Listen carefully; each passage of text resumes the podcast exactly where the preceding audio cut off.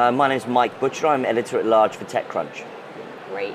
So we're here at uh, conference. We talk a lot about the metaverse, NFTs, AI. It seems all happening at once. And do you think we're in some kind of approaching a new era in technology? Um, well, we've been approaching a new era of technology for about 30 years. um, I mean, I think, uh, admittedly, I mean, I, I, covered the dot com boom back in the 90s and, uh, and sort of and saw the rise of Web 2.0 and now, of course, with blockchain Web 3, um, I guess.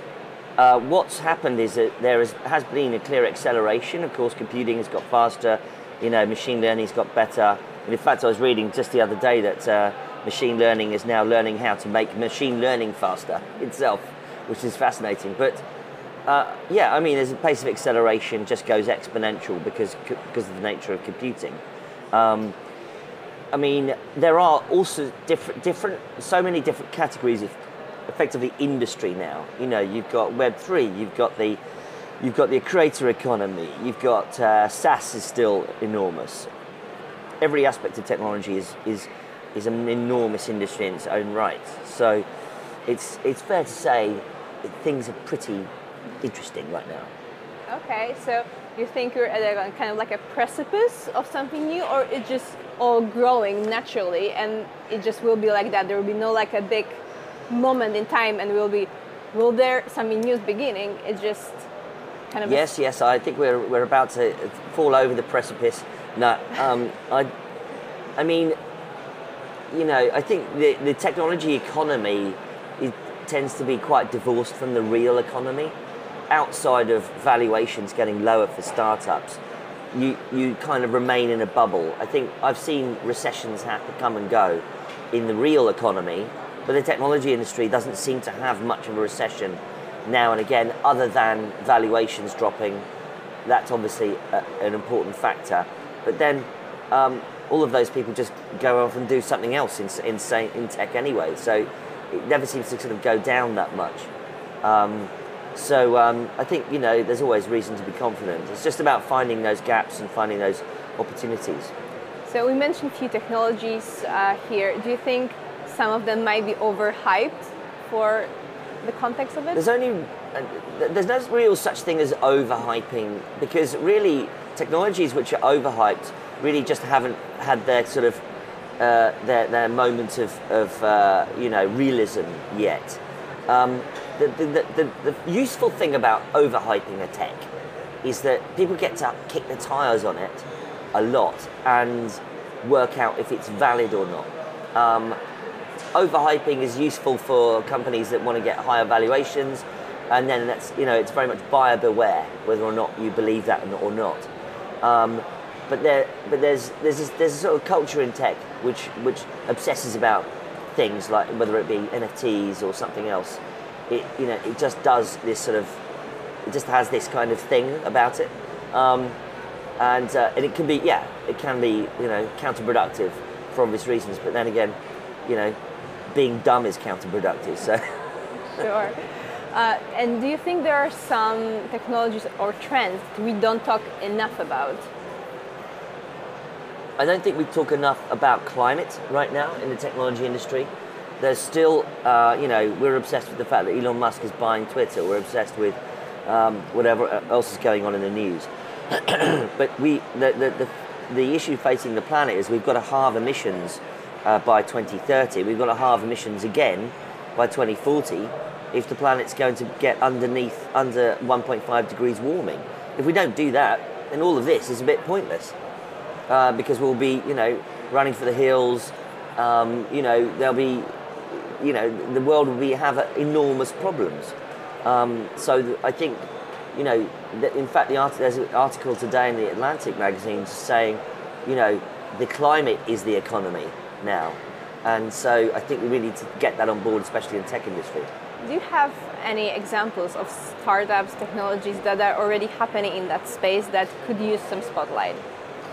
Well, uh, the climate tech is, is pretty big, and there's there's still plenty of uh, interest in it. You know, you've got Plan A out of Berlin, you've got Persefoni in New York, you've got Normative. These are all SaaS SaaS platforms now which are or uh, cli- or cli- what was it?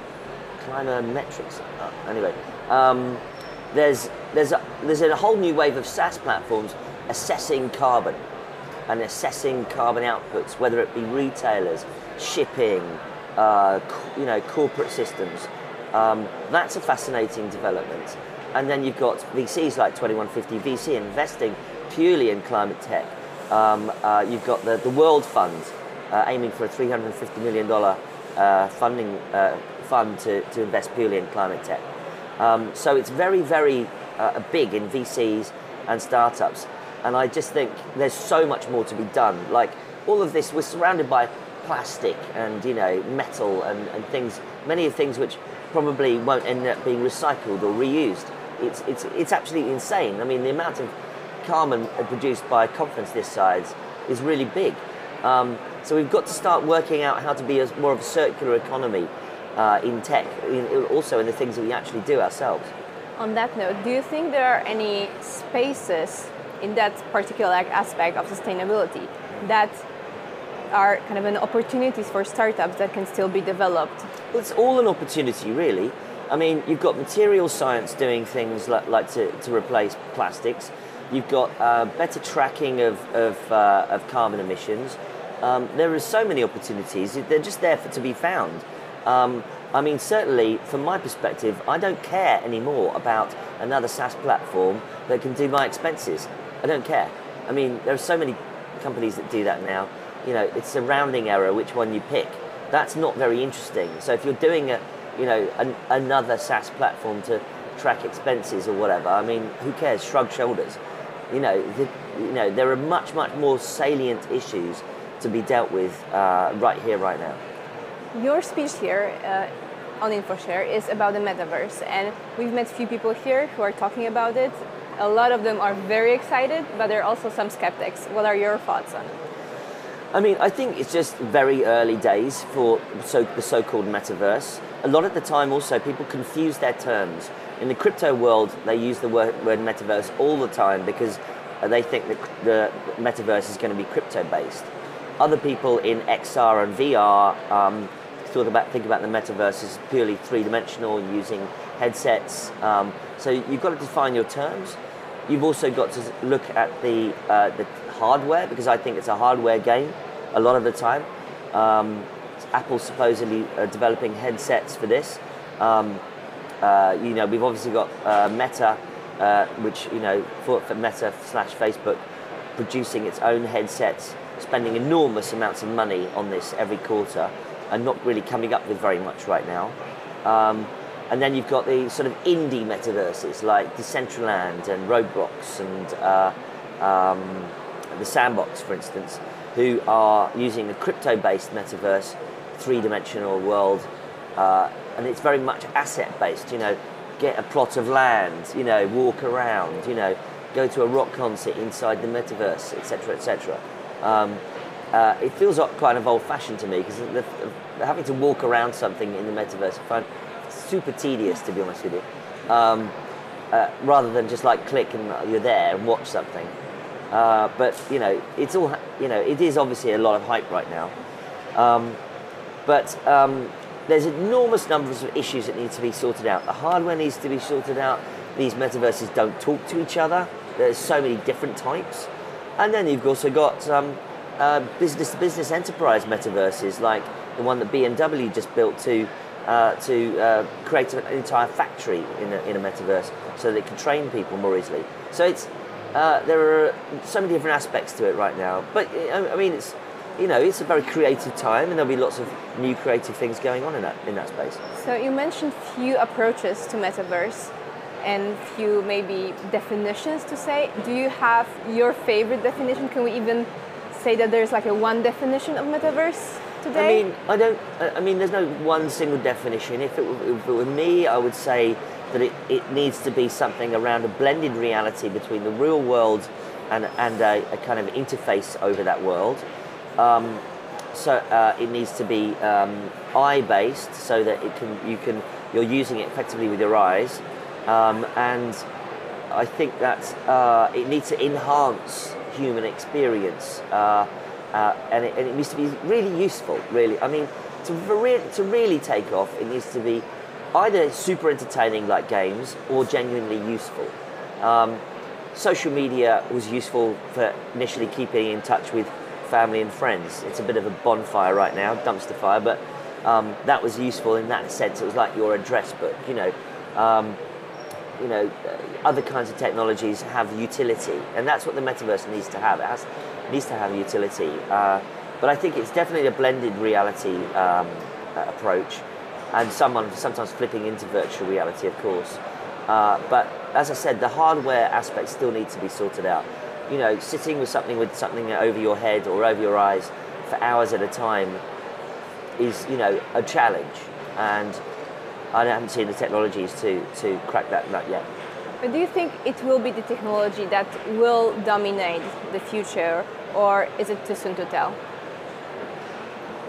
No single technology has ended up dominating as such. I mean, we still use computers even though we have smartphones. We still, still use smartphones even though we have iPads and tablets. Um, so it's a bit like saying um, television will kill newspapers. It didn't kill newspapers. It just made newspapers have to behave differently. So, so the you know, the medium and the message, you know, come out different ways. Uh, I think, but yeah, there's a lot of money being spent right now by Apple, by uh, you know, Nvidia, for instance, uh, also by Meta, in making the metaverse happen. Um, and the jury's out on how long that's going to take. It hasn't, you know, so far it's, it's relatively underwhelming, I think. You mentioned the tech aspect. So, what needs to happen for us to actually use this technology like every day to become more popular and more useful? Um, you know, without wanting to repeat myself, I think it just has to have a, a lot of utility. Um, I mean, I think that um, when we when Alexa turned up out, out of the blue, everyone thought, well, why would I want an Alexa in my house?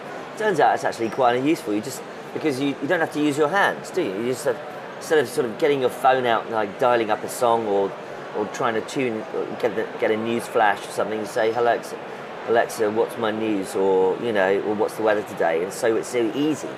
Um, and so the, the metaverse needs to be as as simple as just going like, oh, um, you know, I need to sort of need to work out where I need to go. Oh, right, okay, bang, and, now, and then it'll simple as that.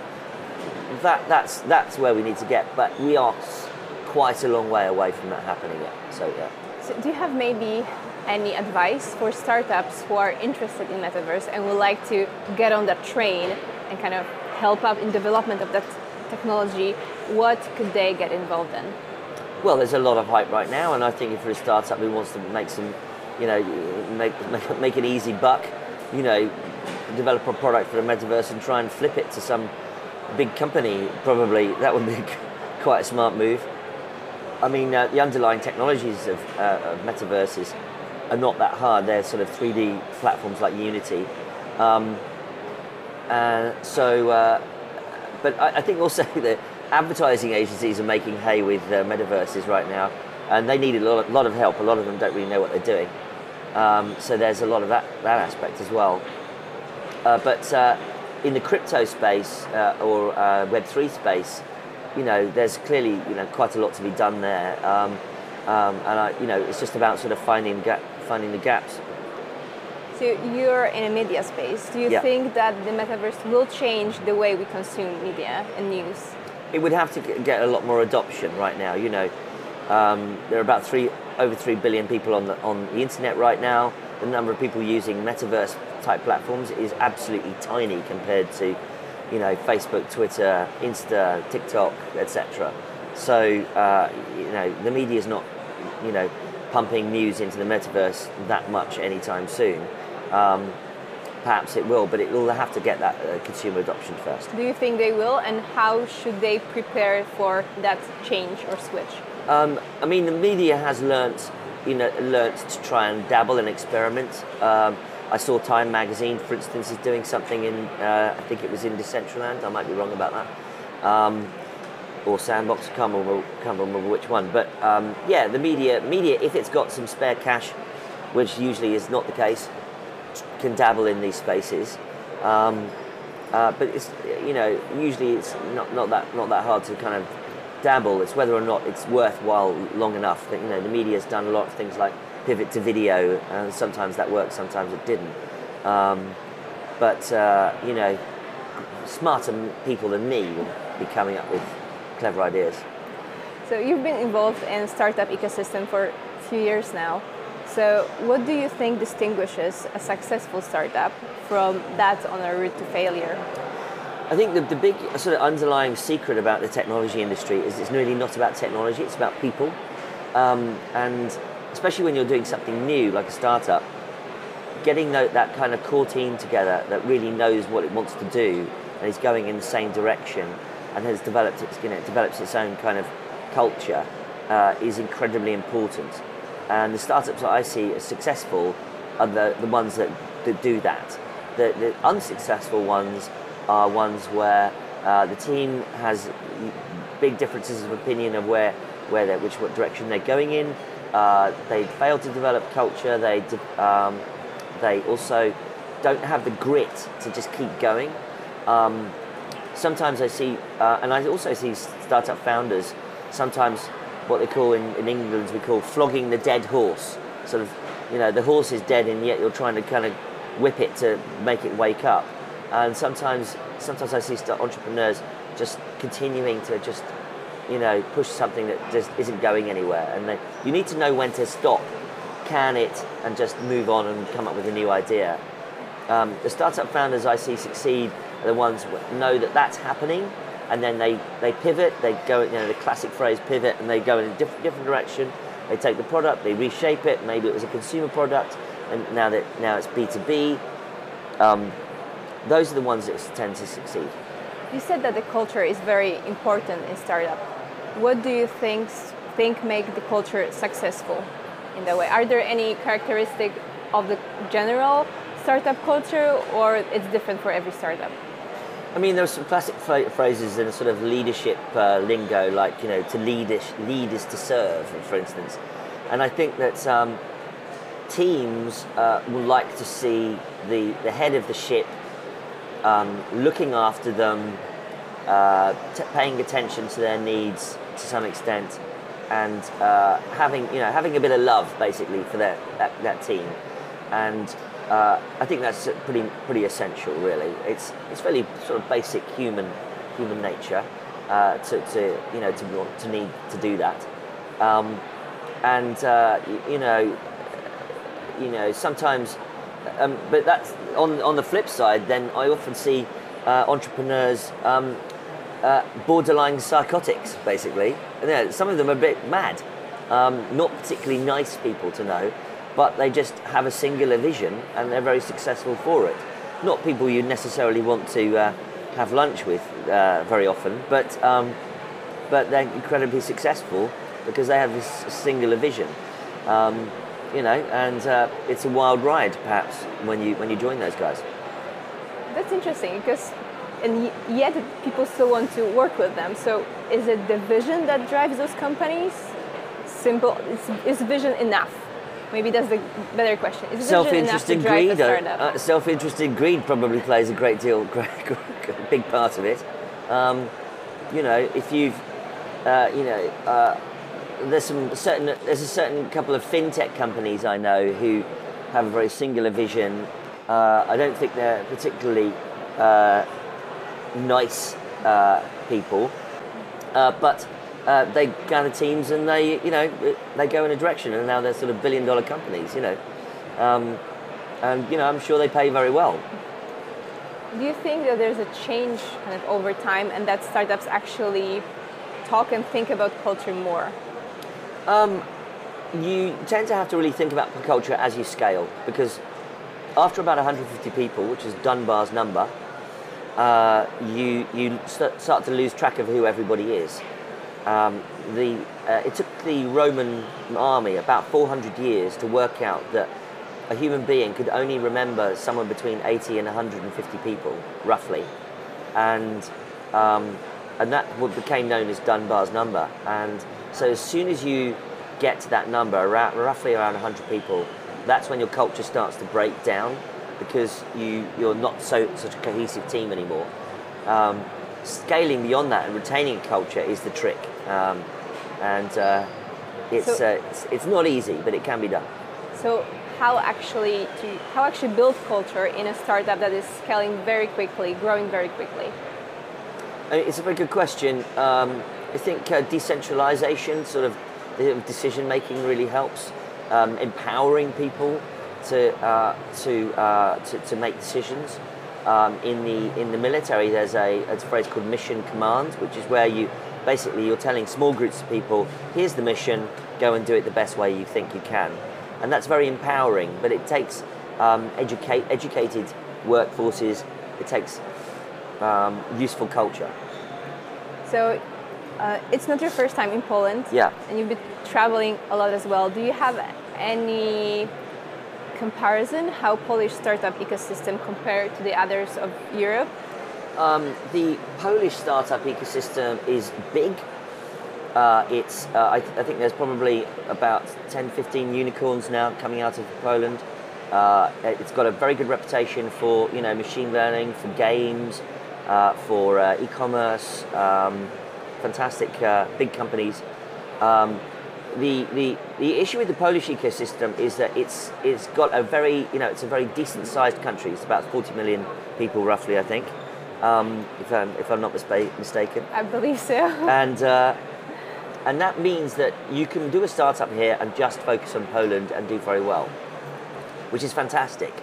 But it does tend to stymie you when you want to go international. Um, and so that tends to be the sort of decision that Polish startups have to make. Am I going to co- concentrate on the Polish market or am I going to try and go international as well? And that's, that's all, uh, often the sort of the quandary that they face. Do you think Polish startups should think more globally? I, I think it would be helpful um, because I think so much of what Poland could produce as a, a, an entrepreneurial ecosystem um, could be international if they thought about it earlier. Uh, the temptation, as I said, is to is to focus on the Polish market, and that's totally legitimate. The, the only issue is that it will limit you if you want to go international later on. We live in a very strange, I would say, times, for sure, very uncertain times. We have the pandemic, we have the war now, the inflation, and how do you see that affecting startup ecosystem? Um, I don't see it affecting it a great deal. Also, also uh, startups are very distributed now. Um, so even, even if you know there's a, a problem with the offices, people just go and work remotely. Um, I think uh, value, the, the thing that is, is uh, the war, the war in Ukraine, uh, the global recession. Uh, these things are, are a macroeconomic effect which tend to affect, you know, LPs who invest in VCs and the VCs who then try to invest in startups. So the valuations tend to be more depressed. Uh, it doesn't mean to say that there's less money. It's just it's perhaps more more frugal or more picky about what it invests in. Uh, but as I say, I don't think that uh, uh, you know. I don't. I don't see, tend to see that much dece- deceleration. That was actually going to be my next question. Do you think that we'll have less money in the market and that for maybe uh, kind of a problems with the development of technology? I don't think we'll see. Uh, I mean, look, all of all of the funds that have raised have to be deployed at some point. It'd just be more discerning about what it invests in. Do you have any advice for startups in these current times? I would say um, just. Uh, I mean, the obvious things are now probably things like revenues are more important than they used to be, as opposed to growth. So, working on the business model is a better idea. Okay. Thank you very much. Pleasure.